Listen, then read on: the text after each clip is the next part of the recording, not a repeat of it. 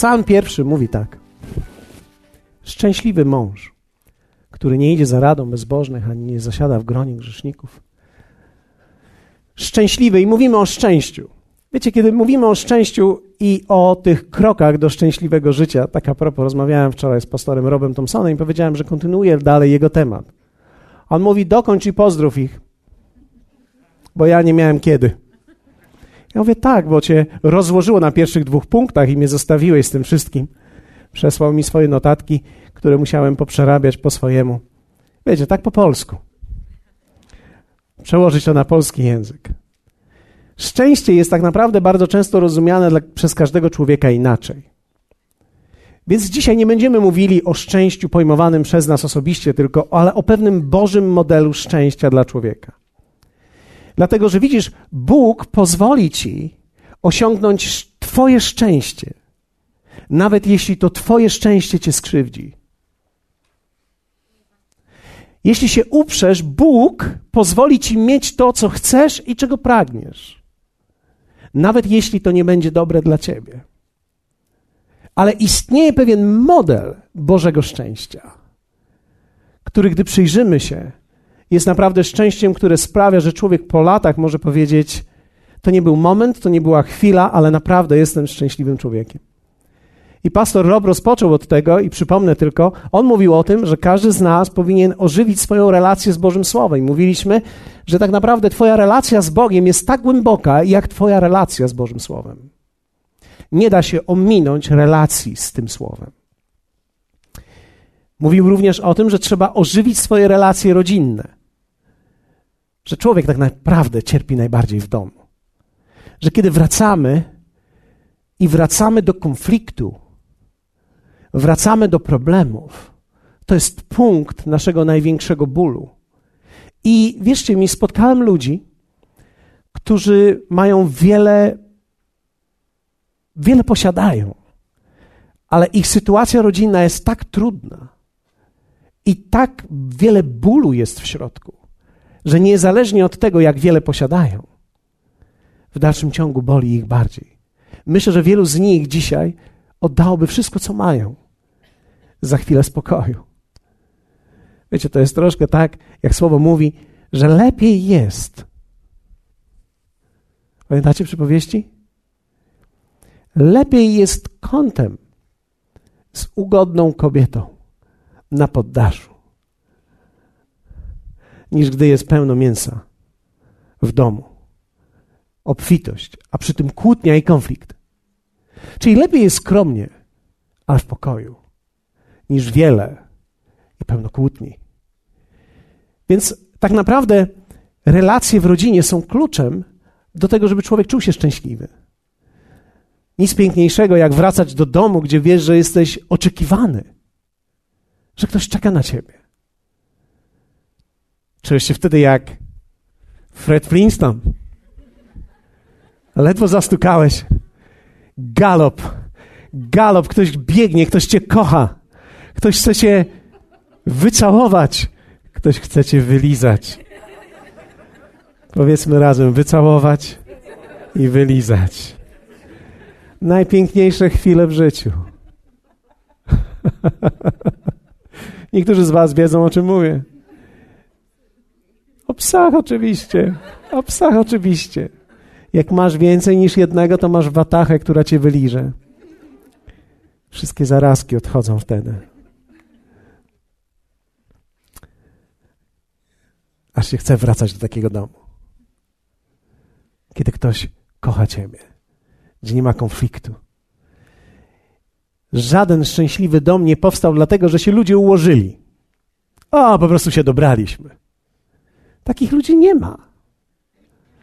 Ludzie się nie dobierają. Ludzie się przyciągają z wielu różnych powodów.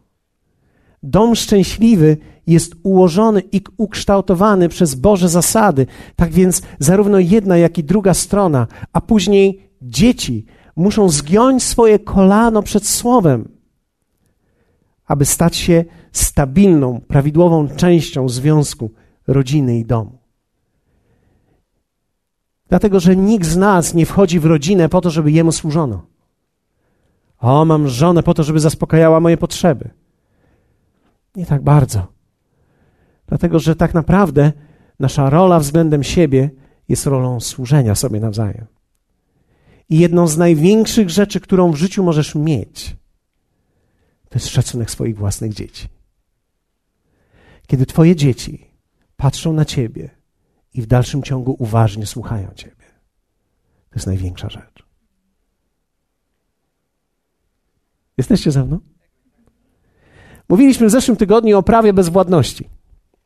O tym, że prawa Boże rzadko działają szybko. Że to nie jest tak zwany przysłowiowy dżin, że po prostu posmarujesz, pochuchasz i od razu będzie dobrze. Od razu to nic dobrze nie jest. W życiu można złapać szybciej grypę niż Boże błogosławieństwo. Boże błogosławieństwo jest wynikiem stosowania Bożych zasad i trzeba robić to długo i wytrwale, przez, często przez lata, ale później nagroda jest nie do podważenia i później już żniwo jest nie do ogarnięcia. Apostoł Paweł w liście do Galacjan mówi, a rządź będziecie bez ostanku. Inaczej mówiąc, w momencie, kiedy wytrwacie i będziecie trwali w tym, przyjdzie moment rzęcia bez ustanku. Bez ustanku. To prawo bezwładności jest ważnym prawem, abyśmy mieli pewne zrozumienie, że tak naprawdę w życiu, nawet z Bogiem, nic szybkiego się nie wydarzy. Ponieważ nic szybkiego się nie wydarzy, niektórzy siedzą w kościołach, jakby się nic miało nie wydarzyć. Więc ponieważ szybko się nie wydarzy, więc niektórzy siedzą i mówią, wydarzy się za 29 minut, jak stąd pójdziemy. To, co się wydarza w nas, jest o wiele ważniejsze często niż to, co się wydarza poza nami. Dlatego, że Twoje życie będzie tak wyglądało, jak decyzje, które podejmiesz gdzieś wewnątrz. I decyzje te trwają latami.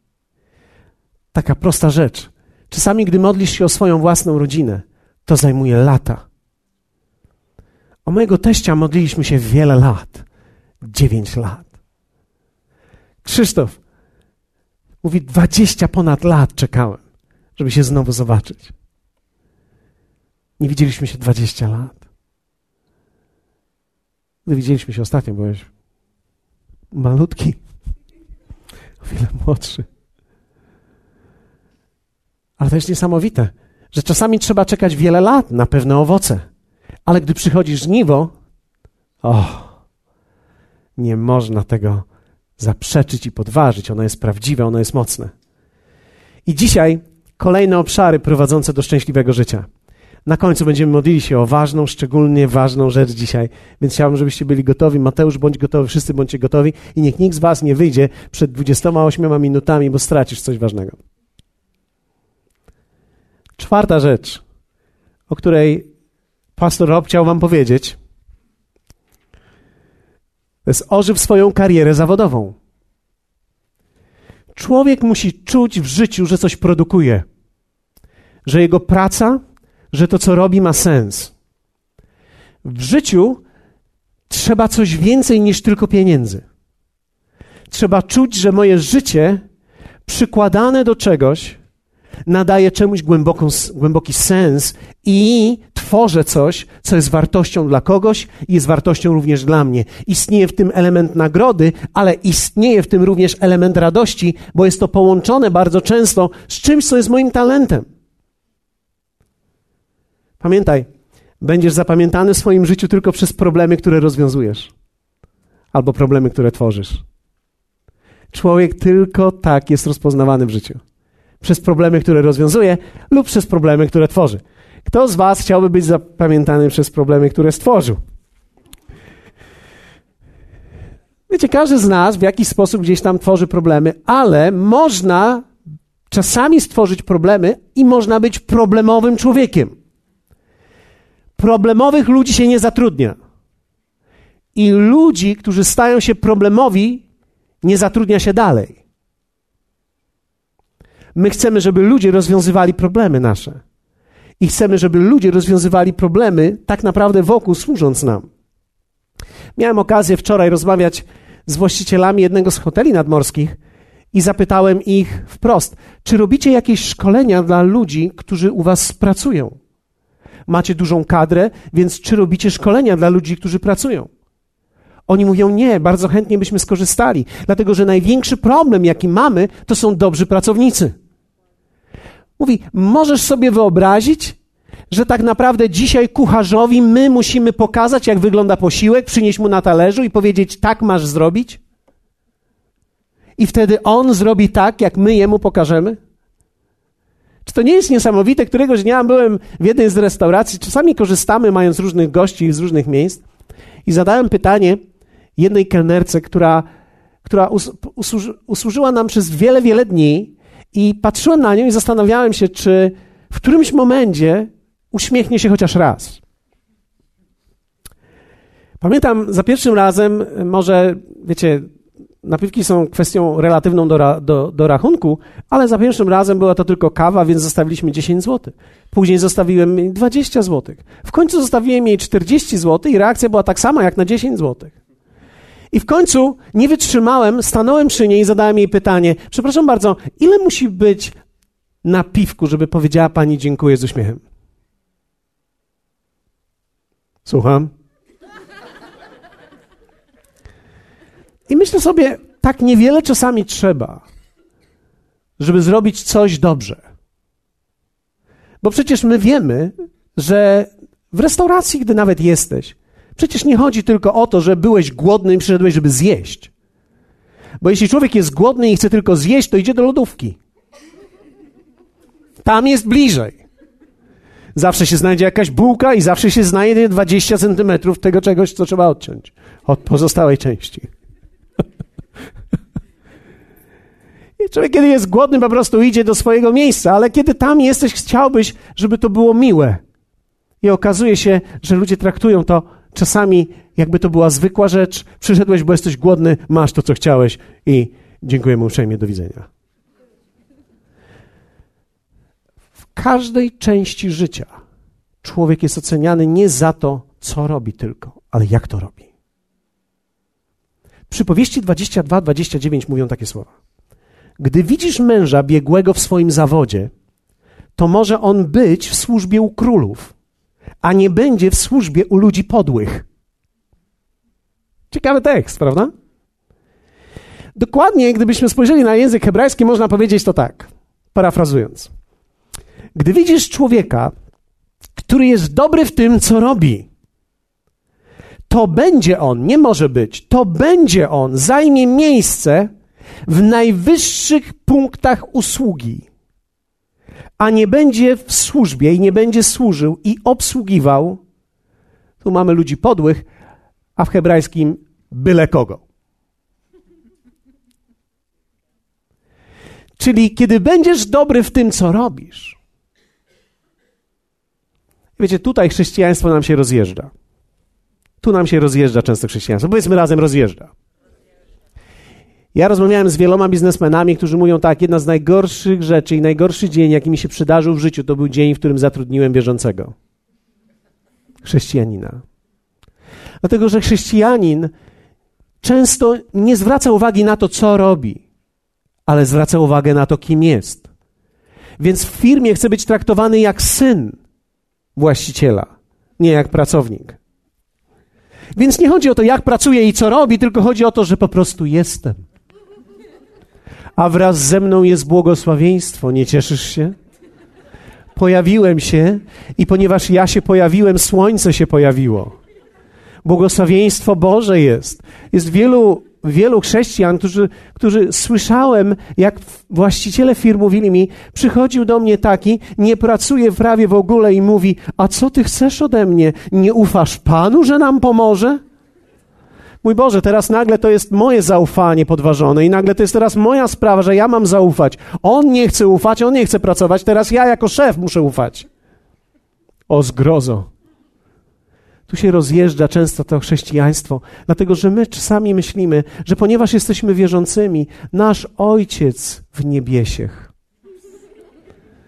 będzie sponsorował nam życie i będziemy się ślizgać w życiu. Nie będziemy musieli pracować. Pan będzie nas zaopatrywał. Przecież będziemy jak ptaki. Ptak to ty może jesteś. Fruwasz to tu i tam. Ale wiecie, w życiu człowiek jest wynagradzany za zaufanie do tego, co Bóg umieścił w jego ręce i za to, co wytworzy. I to jest niezależne od tego, w którym człowiek miejscu jest. Dlatego, że człowiek, który tylko i wyłącznie będzie robił coś dobrego, będzie znaleziony przez kogoś, kto tego potrzebuje. I wierzcie mi, wielu wierzących dzisiaj nie zwraca w ogóle uwagi na to, jak wykonują daną rzecz. A jednak, jeśli człowiek nie ożywi swojej pracy, swojej kariery zawodowej i nie podejmie tego wyzwania, aby rozwijać się, nie stanie się człowiekiem rozwiązującym problemy, to niestety, ale będzie zamknięty w swoim życiu i nie pójdzie dalej. Apostoł Paweł w liście do Kolosan w trzecim rozdziale, w wersecie 22 do 24 mówi tak. Słudzy, bądźcie posłuszni we wszystkim ziemskim panom, służąc nie tylko pozornie, aby się przypodobać ludziom, lecz w szczerości serca, jak ci, którzy się boją Pana. Cokolwiek czynicie, z duszy czyńcie jak dla Pana, a nie dla ludzi wiedząc, że od Pana otrzymacie jako zapłatę dziedzictwo, gdyż Chrystusowi Panu służycie. Apostoł Paweł wyraźnie mówi, kiedy pracujesz, kiedy służysz, kiedy coś robisz. Rób to dla tego, przez kogo zostałeś zatrudniony, tak jak byś to czynił dla Pana. Dlatego, że Twój Pan przyjdzie z nagrodą. Niekoniecznie ten człowiek. Niekoniecznie ten człowiek. Ten człowiek może nawet mieć zamysł, aby Ciebie wykorzystać, ale Bóg uchroni Ciebie. Pamiętam, jak Tony Miller mówił do mnie często. Pamiętacie, Tony Miller? Tony Miller. Tony Miller mówił do mnie często: szlifuj swój kamyk, a pewnego dnia ktoś go znajdzie. Dlatego, że na początku jesteś z innymi kamieniami i ci, którzy nie rozpoznają i nie rozróżniają kamieni, dla nich jest wszystko jedno. Ale są też tacy, którzy rozpoznają kamienie i podejdą któregoś dnia do ciebie i wezmą ciebie i powiedzą: Wow, no to jest coś szczególnego. I przeniosą ciebie w inne miejsce. Jednym kamieniem brukuje się drogi, a inne kamienie szlifuje i oprawia w złoto.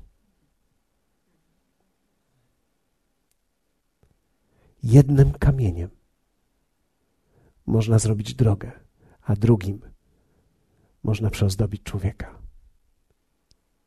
Którym kamieniem chcesz być? A ja bym tam chciał być zwykły polbruczek. Proszę bardzo.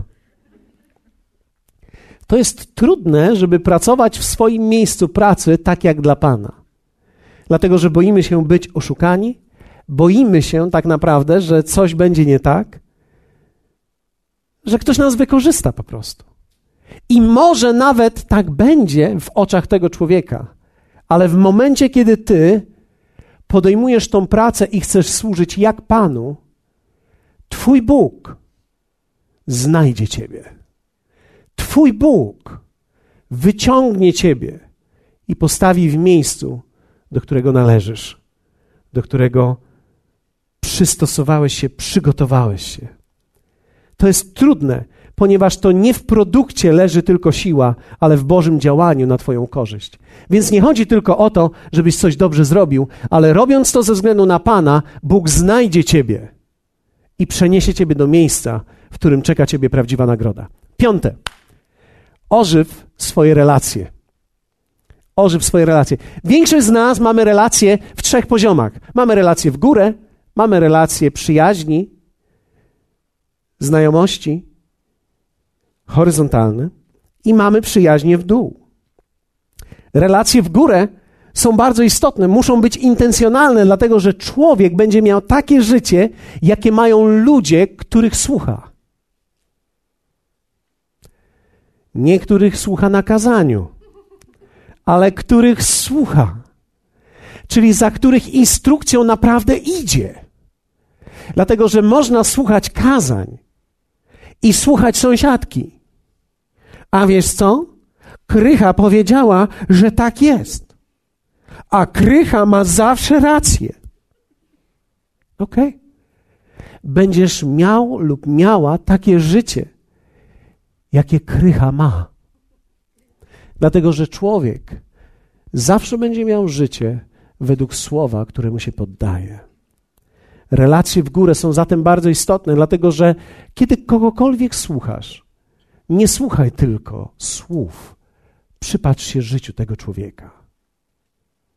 Dlatego, że życie mówi często więcej niż same słowa. Słowa, można powiedzieć, są tanie. Każdy może powiedzieć dobrze. Albo może mu się zdarzyć coś powiedzieć dobrze. Ale jak naprawdę żyje? To jest ważne. Mamy relacje w poziomie, które są również istotne. Mamy przyjaźnie. Wiecie, kredo przyjaźni jest takie. Będę z tobą nawet, gdy będę musiał być przeciwko tobie. Będę z tobą nawet, gdy będę musiał być przeciwko tobie. To jest prawdziwa przyjaźń. Przyjaźń to nie jest pójście na kompromis. Ty kombinujesz, ja to widzę, nie ma sprawy. Jestem Twoim przyjacielem, aleluja. Nie. Jeśli Ty zakombinujesz, będę stał przeciwko Tobie.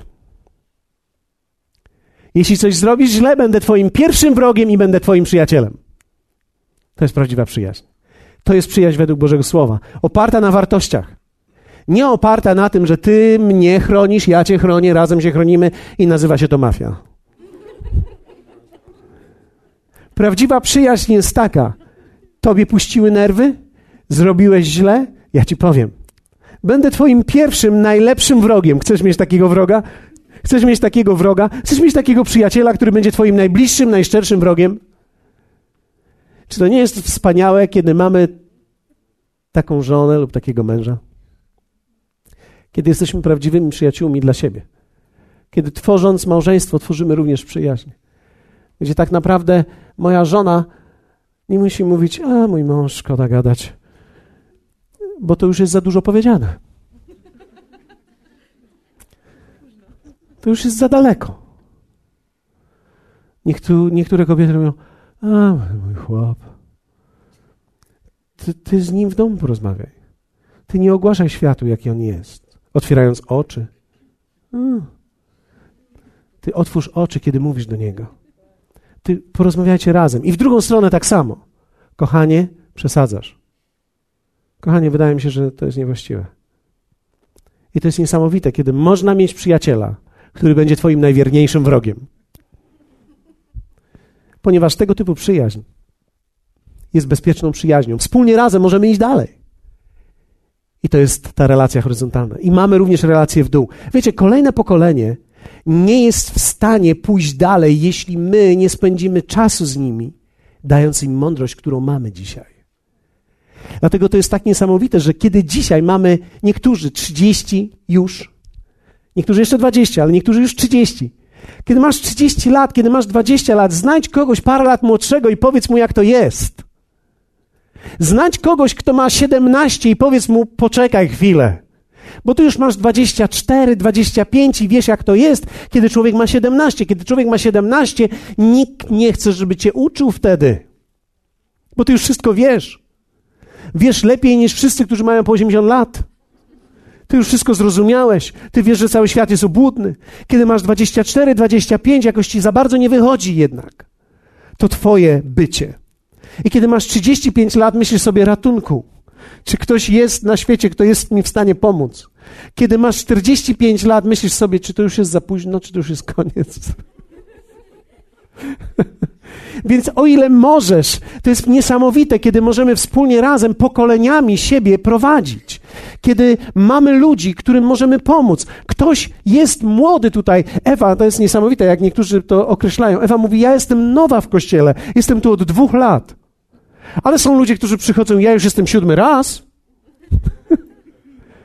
Mając na myśli, ja już wiem wiele, ja już siedem razy byłem. Ale gdy masz dwa lata w Bogu, nagle myślisz sobie, ja jestem młoda, ja nic nie wiem, mam dopiero dwa lata.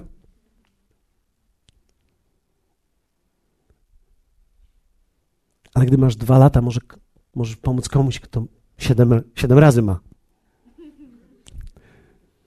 Gdy masz trzy lata, możesz pomóc komuś, kto dopiero został ochrzczony. Gdy masz 10 lat, możesz pomóc komuś, kto ma 5 lat i który jest w ferworze i mówi, wow, niesamowite, ale możesz mu powiedzieć, tak, to jest niesamowite, tylko uważaj jeszcze na to, bo jest parę tyczek, które trzeba ominąć. Dlatego, że chrześcijaństwo nie jest takim prostym zjazdem. to nie będzie tylko szybciej. Jeśli nie nauczysz się właściwie manewrować, niektóre tyczki między nogami się znajdą, a to jest bolesne doświadczenie. I niektórzy tak jadą w życiu chrześcijańskim, robiąc aj, aj, aj. I robią wszystko, żeby stanąć. Musimy pomóc tym, którzy idą za nami. Wiecie, w tym roku, parę dni temu, minęło mi 30 lat chrześcijaństwa. 30 lat temu oddałem życie Jezusowi. Myślę, że jestem bardziej nagrzany niż kiedykolwiek byłem. Zastanawiałem się kiedyś, bo niektórzy mi mówili, że to mija. Ja nie wiem, co mija. Niektóre rzeczy mijają, niektóre rzeczy przemijają, ale nie to. Dlatego, że ja spotkałem ludzi, którzy mają 40, 50 lat w Bogu i są jeszcze bardziej w nim zakochani niż kiedykolwiek byli. Dlatego, że Bóg jest nieprawdopodobną osobą, Jego królestwo jest niesamowite. Im bardziej jesteś w tym, tym bardziej Go kochasz, tym bardziej jesteś pełen pasji. Ale ktoś stamtąd musi Ci powiedzieć. Każdy ma ludzi stamtąd i my mamy ludzi, którzy gdzieś za nami idą i musimy im pomóc. Weź odpowiedzialność za to. Szóste. Ożywiaj jakość swojego życia. Podność jakość swojego życia. Nie ma nic tak pięknego w życiu, jak widzieć, że wszystkie rzeczy rosną. Nie wszystko rośnie zawsze. Czasami dotykają nas kryzysy i czasami widzimy, że rzeczy nie idą w górę, ale w dół, ale w Bogu, niezależnie od sezonu, w konsekwencji będziesz szedł w górę. Twoja jakość życia będzie rosła. Bóg stoi za jakością życia. Bóg kocha klasę. Słyszę jak ten aplauz aniołów. Wiecie, myśmy się nauczyli w kościołach często, o, byle co, żeby było. Pamiętam jeszcze czasy, jak zaczynaliśmy w kościele, to co do kościoła przyniesiemy? No niech pomyślmy, no co każdy z nas może z domu wyrzucić. Więc budowaliśmy na początku z tego, ten przyniesie dywan, który już dawno przeżył swoje, ale go jeszcze jakoś wycyklinował, więc przyniósł go. I jeszcze się da. Jeszcze stolik, który już nie ma nogi, ale jak go postawimy przy ścianie, przecież będzie dobry. Nie ma już blatu, ale co tam blat? Można przykryć jakimś obrusem. Ale skąd weźmiemy dobry obrus? Przecież nie kupimy. Ale stary ma. Jadzia ma stary obrus. Nie ta Jadzia, ale jakaś Jadzia ma stary obrus i, i, i, i Jadzia ma dobre serce i przyniosła swój stary obrus. Aleluja. I tak zbudujemy niesamowite Królestwo Boże. Ale kiedy zaczynamy otwierać Biblię i zaczynamy czytać, jak Bóg tworzył swoją świątynię, namiot przechodni, a później świątynię, jak będzie wyglądało niebo, widzimy, że On sobie i nam wyłożył ulice ze złota. Bramy są z pereł. Wiecie, ja myślę, że Bóg, który asfaltuje złotem ulice, ma trochę klasy. Jesteście gotowi na takie niebo? Wiecie, jak my przyjdziemy do nieba, to nie będzie tam pół gwiazdki. To nie będzie nawet pięć gwiazdek. Ponieważ możesz pojechać czasami do jakichś krajów śródziemnomorskich i trafić na pięć gwiazdek, gdzie musisz kopnąć w klimę, żeby zadziałała, i wtedy też nie wiesz jeszcze, czy zadziała ciepłym, czy, czy gorącym.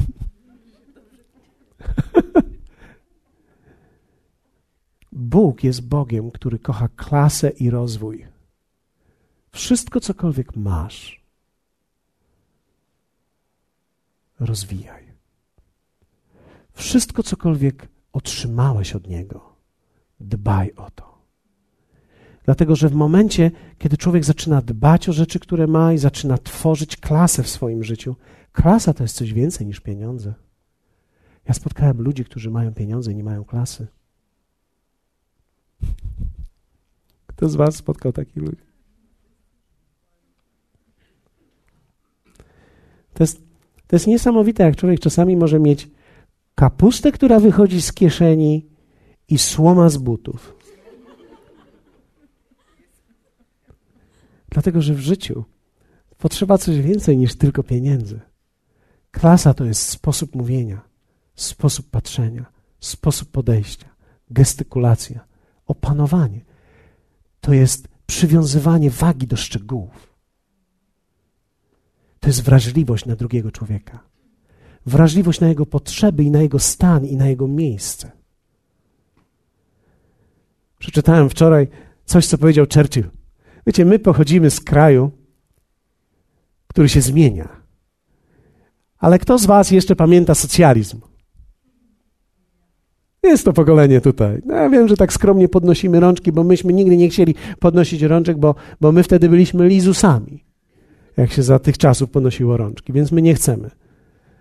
Ale Churchill powiedział tak: socjalizm jest filozofią upadku. To kredo głupoty. Ewangelia zazdrości. Jej dziedzictwem wspólnym jest wspólne, żałosne życie. Churchill. Podstawą Ewangelii jest najpierw rozwój, a potem podział. Podstawą socjalizmu był podział, a później rozwój. Ale prawda jest taka, że człowiek nie może dzielić, dopóki nie ma. I nie może dać, dopóki nie ma z czego dać. Więc najpierw człowiek musi się rozwinąć. I rozwój, i klasa jest kluczem królestwa. Więc nie bój się jakości, nie bój się piękna, bo one pochodzą od Boga. Podałem dzisiaj Wam trzy punkty. Trzy obszary życia. To jest rozwój jakości życia, rozwój relacji i rozwój tej pracy zawodowej. To są te punkty, które dostałem od pastora Roba, które chciał, żebym wam przekazał. A powiem wam teraz, z czym ja miałem problem. Mam cztery minuty. Mat, poproszę ciebie i powstańmy. Powiem wam, z czym ja się zmagałem. Powstańmy razem. Powiem wam na stojąco, bo e, nie sądzę, że te słowa są warte na siedząco. Zresztą zaraz po nich będziemy się modlili. Gdy pierwszy raz słuchałem Ewangelii i słuchałem o życiu, jakie ona oferuje, bałem się. Dlatego, że to dotyczyło wszystkiego w moim życiu. Wiecie, Ewangelia nie jest tylko jakąś wiarą w coś, ale ona dotyka wszystkiego: Twojej pracy, Twojego związku, Twoich dzieci, Twoich finansów, Twojego domu, Twojego czasu wolnego, tego, co robisz, kiedy robisz, co robisz, gdy Cię nikt nie obserwuje Ewangelia dotyka wszystkiego, ona na wskroś przenika całe życie. Więc kiedy człowiek pójdzie za tym, ja bałem się, że te wszystkie obszary nie zadziałają. I bałem się, że Ewangelia nie zadziała dla mnie. Bałem się, że jeśli zaufam Panu, Jego tam nie będzie. Pierwszy raz, dwadzieścia parę lat temu, kiedy przyjechał Paul Forsien do nas i zaczął mówić o Ojcu, który się troszczy – ja nie miałem nigdy doświadczenia ojca, który się troszczy. Mojego ojca nigdy nie było.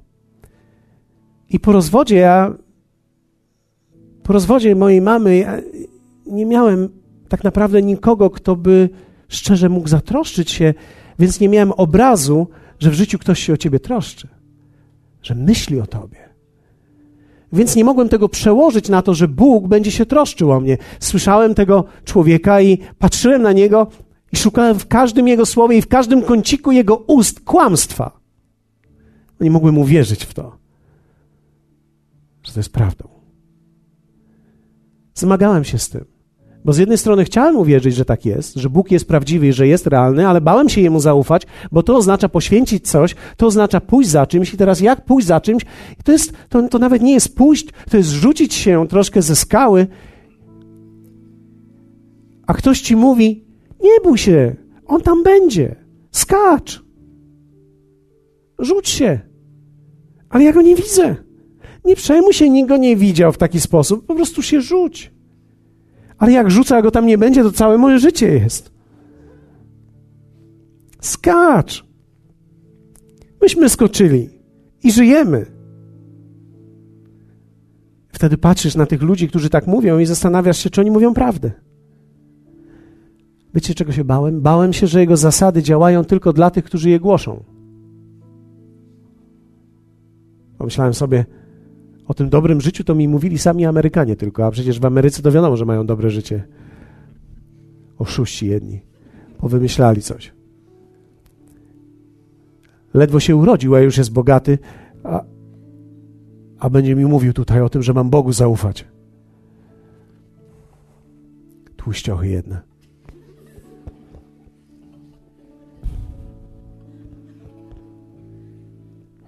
Bałem się, że może takie życie nie jest jego planem, że może są jakieś inne plany, że być może Bóg wybrał sobie niektórych, żeby mieli fajne życie i takich jak ja.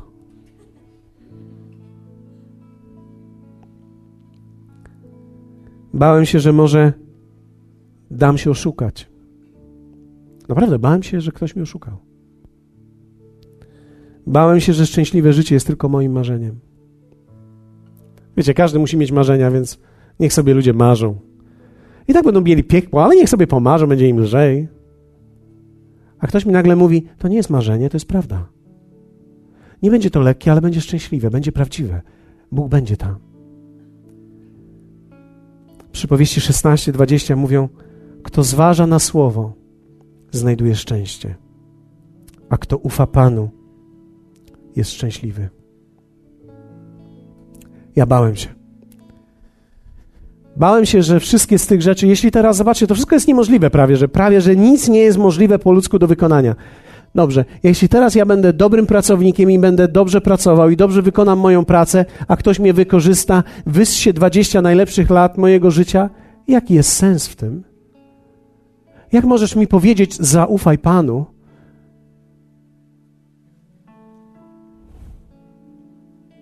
A jednak.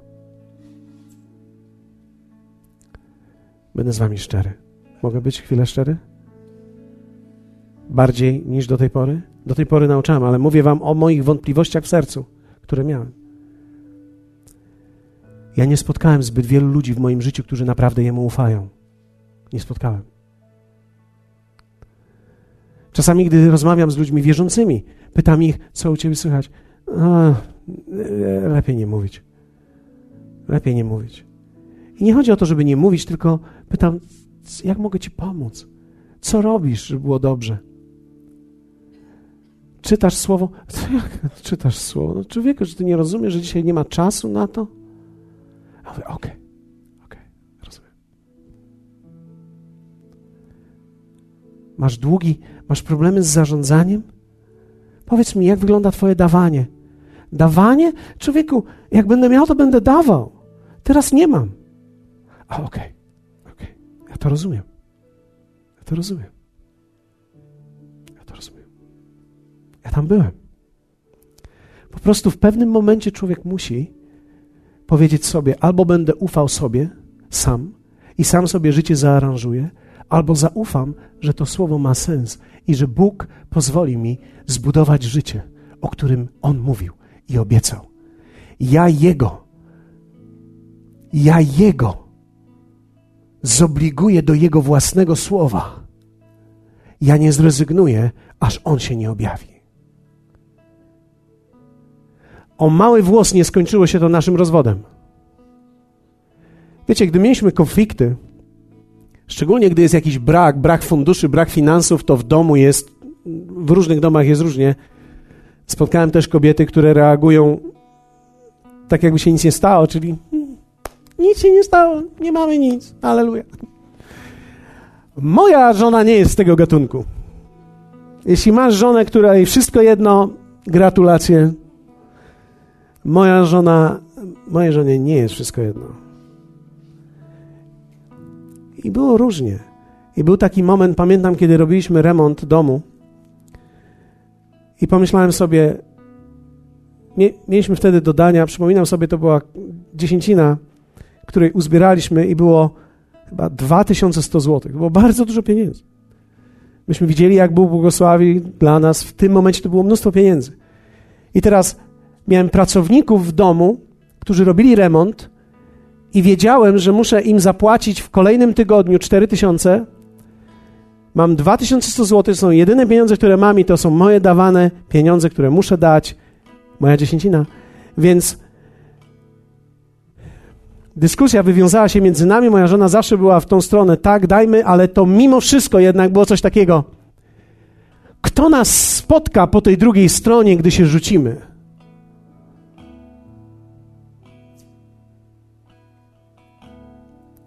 W naszym domu w czasie remontu nie było nic. Wszystko było zrujnowane, zniszczone, nie było nic. Był tylko telefon owinięty w folię, w reklamówkę zieloną.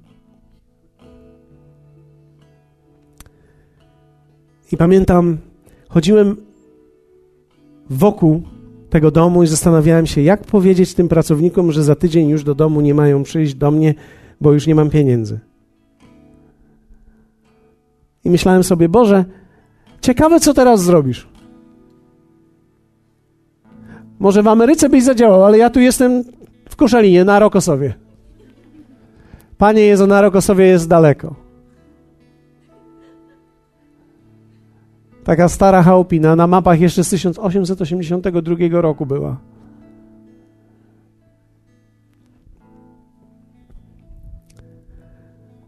Chodziłem wokół i wszedłem do domu i po drabinie musiałem wejść na górę, żeby powiedzieć pracownikom, żeby skończyli pracę, bo już za tydzień nie mogą przyjść.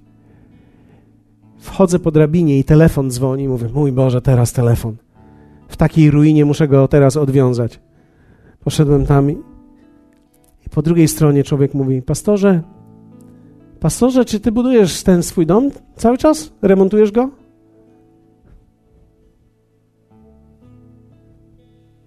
Ja mówię: Tak.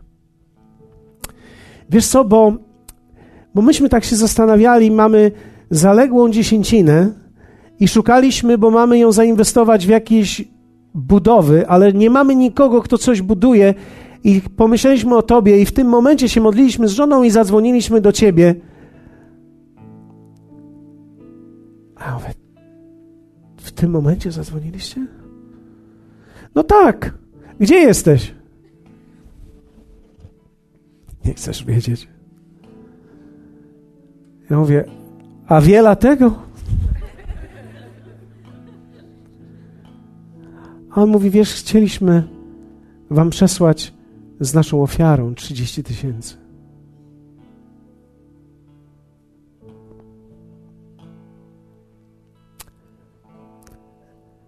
Dwa tysiące sto złotych było dla nas górą.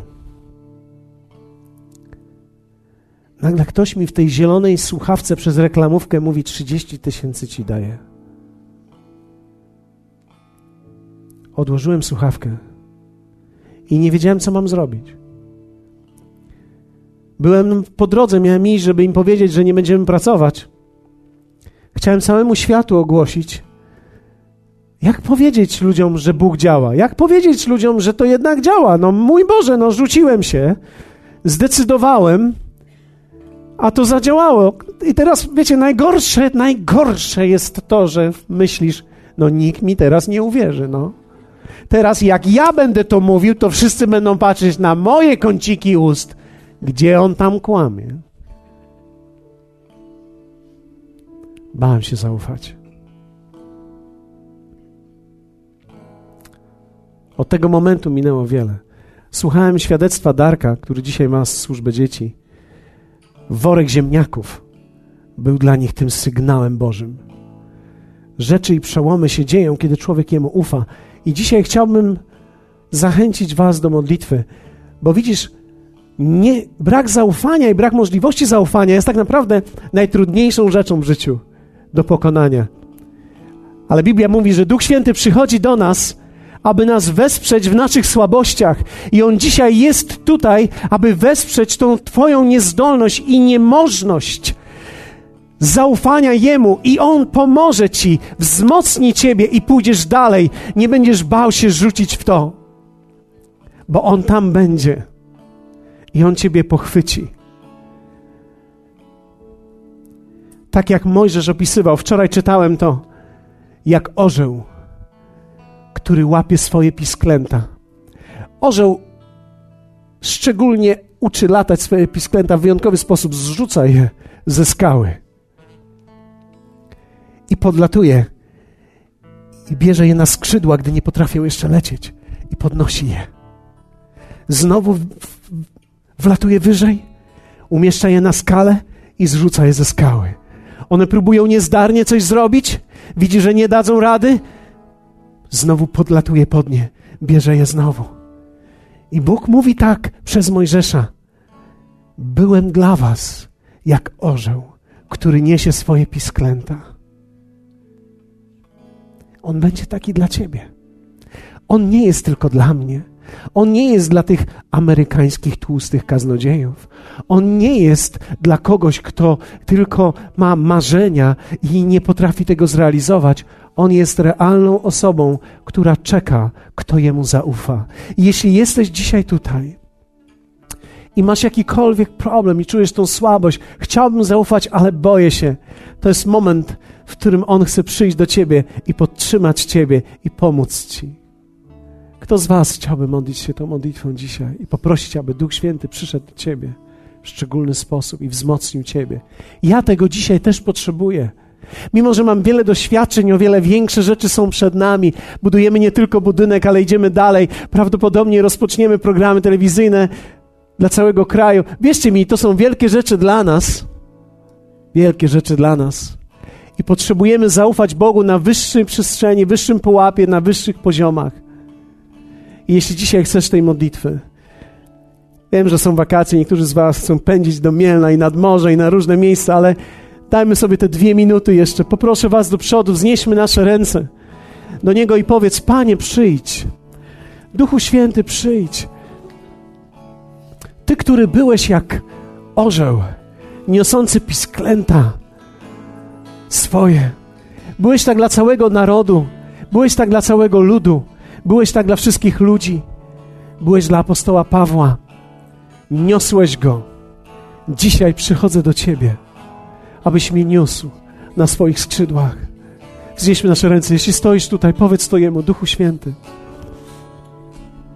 Wiecie, list do Rzymian mówi tak, że On przychodzi w naszych słabościach i wzmacnia nas. Nawet gdy nie wiemy, jak się mamy modlić, On przychodzi i wspiera nas w niemocy naszej. Bóg nigdy nie śmieje się z Twojej niemocy. Nigdy nie żartuje z tego. On przychodzi i wzmacnia Ciebie. I On jest tutaj, aby wzmocnić Ciebie. Jeśli siedzicie tam albo stoicie w tej chwili, proszę Was, abyście dołączyli do nas również swoimi, swoją modlitwą, swoim śpiewem.